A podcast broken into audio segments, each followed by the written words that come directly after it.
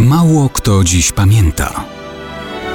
Datownik historyczny prezentuje Maciej Korkuć. Mało kto dziś pamięta o drugiej wielkiej zwycięskiej bitwie Polaków z 1920 roku bitwie niemeńskiej. Wszyscy z uporem skupiamy uwagę na bitwie warszawskiej, obronie stolicy i na polskim uderzeniu z nadwieprza w bok i na tyły wojsk bolszewickich Tuchaczewskiego. I słusznie o tej sierpniowej bitwie powinniśmy pamiętać, ale na jednym wydechu z bitwą warszawską powinniśmy zawsze wymieniać bitwę niemeńską, bo w sierpniu bolszewicy spod Warszawy zostali odrzuceni, ponieśli poważne straty w zabitych, rannych i wziętych do niewoli, ale Lenin wciąż uważał, że to tylko chwilowy zwrot w tej wojnie. Szykował siły do ponownego odwrócenia karty przez bolszewicką kontrofensywę.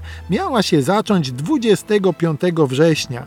Nowe uderzenie na Polaków miało na powrót skierować Armię Czerwoną na zachód Europy po trupie Polski, jak mówiono w czerwonych rozkazach. Piłsudski wiedział, że nie ma czasu na kunktatorstwo. Szybko więc przegrupował siły i przygotował plan operacji, która definitywnie ma rozbić siły bolszewików i pozbawić ich złudzeń związanych z jakimkolwiek kontruderzeniem, które zmieni sytuację. Front operacji rozciąga się od Suwałk przez Grodno aż po Błota Poleskie.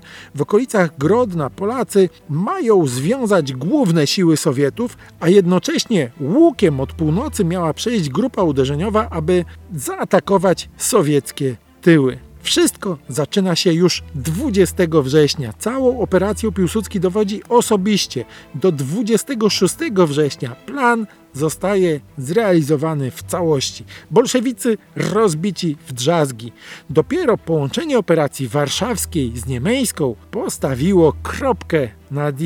Polska niepodległość została obroniona, a Sowieci o kontrofensywie mogli już po bitwie niemeńskiej zapomnieć na zawsze.